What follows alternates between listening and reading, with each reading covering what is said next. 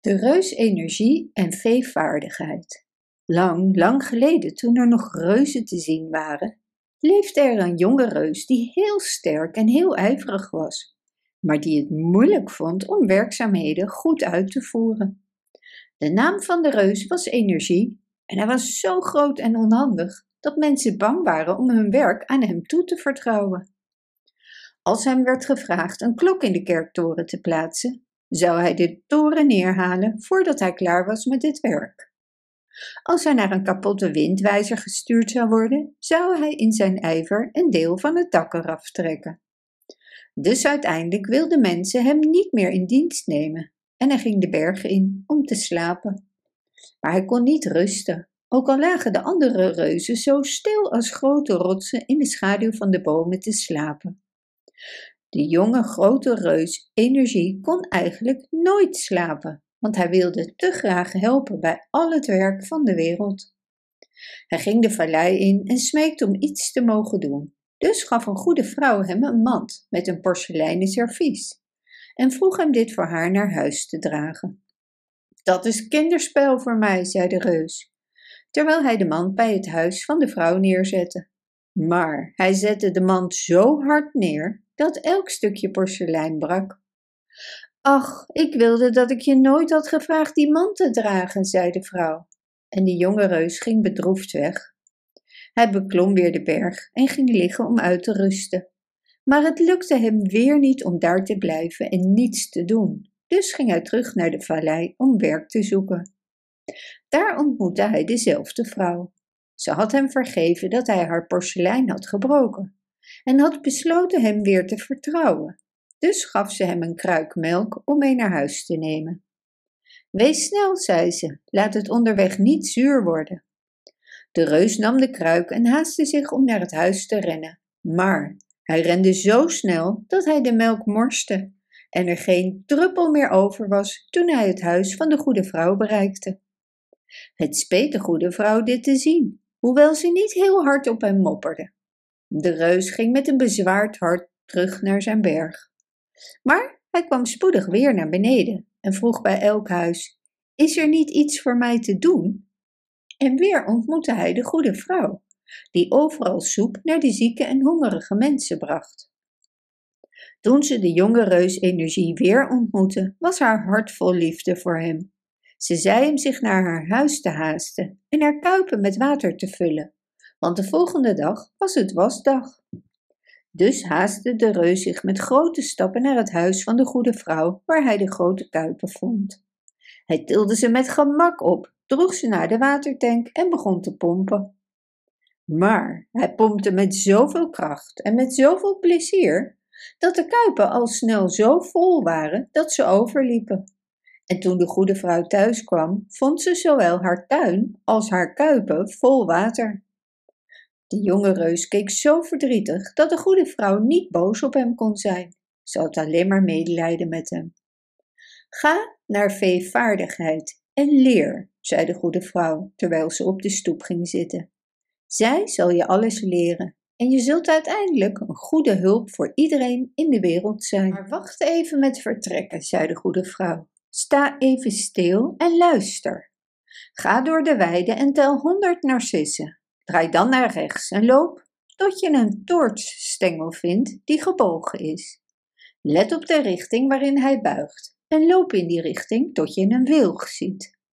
Achter deze wilg stroomt een beekje. Steek het water over via de glinsterende kiezels en als je een vreemde vogel hoort zingen, dan zie je al snel het Sprookjespaleis en de werkplaats waar veevaardigheid haar lessen geeft. Ga naar haar toe met mijn liefde en ze zal je ontvangen. De jonge reus bedankte de goede vrouw, stapte over het hek van het weiland en telde de narcissen. Eén, twee, drie, tot hij er honderd had geteld. Toen sloeg hij rechtsaf en liep door het hoge gras naar de gebogen toortsstengel die naar rechts wees. Nadat hij de beek had gevonden en over de glinsterende kiezelstenen was overgestoken, hoorde hij een vreemde vogel zingen en zag hij tussen de bomen het sprookjespaleis. Hij kon nooit precies vertellen hoe het eruit zag, maar hij dacht dat het gemaakt was van zonneschijn met de glinstering van groene bladeren erin weerspiegeld, en dat het de blauwe lucht als dak had. Dat was het paleis, en aan één kant daarvan was de werkplaats, gebouwd van sterke dennen en eiken. De reus hoorde het gezoem van wielen en het geluid van de veeënweefgetouwen, waarop de veeën tapijten van regenboogdraden weefden. Toen de reus bij de deur kwam, werd de deuropening groter, zodat hij er doorheen kon. Hij zag veevaardigheid tussen de leerlingen staan. En toen hij haar de liefde van de goede vrouw had gegeven, ontving ze hem vriendelijk. Toen zette ze hem aan het werk en gebood hem een hoop verwarde draden uit te zoeken, die in een hoek lagen als een grote bos veelgekleurde bloemen. Dit was zwaar werk voor de onhandige vingers van de reus, maar hij was er erg geduldig mee. De draden braken en hij maakte er een paar in de knoop. Maar toen veevaardigheid zijn werk zag, zei ze: Heel goed voor vandaag. En terwijl ze de draden aanraakte met haar toverstaf, veranderde ze ze weer in een verwarde hoop. De volgende dag probeerde de reus het opnieuw en daarna nog een keer, totdat alle draden ongebroken en ontward lagen. Toen zei veevaardigheid: Goed gedaan! en leidde hem naar een weefgetouw en liet hem zien hoe hij moest weven. Dit was zwaarder werk, maar Reus Energie was geduldig. Hoewel de vee vele malen zijn strooktapijt met haar toverstok had aangeraakt en, steeds weer opnieuw, en hij steeds weer opnieuw moest beginnen. Eindelijk was het klaar en de reus vond het het mooiste tapijt ter wereld. Veevaardigheid nam hem mee naar het pottenbakkerswiel, waar kop en schotels van klei werden gemaakt. En de reus leerde standvastig te zijn en door te zetten en de beker te vormen. De kopjes en schotels die kapot gingen voordat hij er een mooie kop en schotel maakte, zouden voldoende zijn geweest om de theetafel van de koningin te dekken. Toen nam veevaardigheid hem mee naar de goudsmid. Daar leerde hij kettingen en armbanden en halskettingen maken. Nadat hij al deze dingen had geleerd, vertelde de vee hem dat ze drie opdrachten voor hem had. Drie taken die hij moest uitvoeren. En als hij ze goed deed, kon hij weer de wereld in, want dan zou hij klaar zijn om daar een helper te zijn. De eerste taak is om een tapijt te maken, zei veevaardigheid. Een tapijt geschikt voor een paleisvloer. Reus Energie sprong achter zijn weefgetouw en liet zijn zilveren schietspoel heen en weer gaan, onder en over, een prachtig patroon wevend.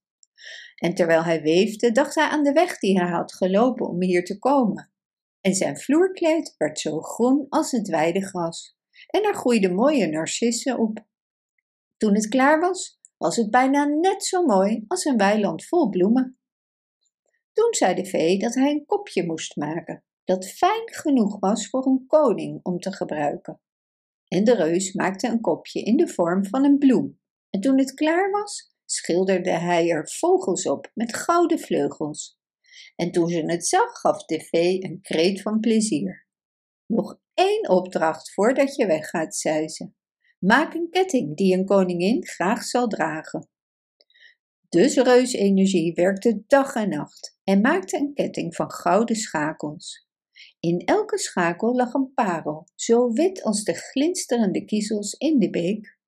Een koningin zou zeker trots zijn als ze deze ketting mocht dragen. Nadat hij klaar was, zegende veevaardigheid hem en stuurde hem weg om een helper in de wereld te zijn. En ze liet hem de mooie dingen die hij had gemaakt meenemen, zodat hij ze kon geven aan degene van wie hij het meest hield. De jonge reus stak de beek over passeerde de wilg, vond de toortstengel en telde de narcissen. En toen hij er honderd had geteld, stapte hij over het hek van het weiland en kwam weer bij het huis van de goede vrouw. De goede vrouw was thuis, dus ging hij door de deur naar binnen en spreidde het tapijt op de vloer. En de vloer leek op de vloer van een paleis. Hij zette de beker op tafel en de tafel zag eruit als de tafel van een koning. Hij hing de ketting om de nek van de goede vrouw en ze was mooier dan een koningin. En dit is de manier waarop de jonge reus Energie leerde een helper in de wereld te zijn. Bedankt voor het luisteren. Wist je dat je dit verhaal ook op onze website ririro.com/nl kunt lezen, downloaden en printen?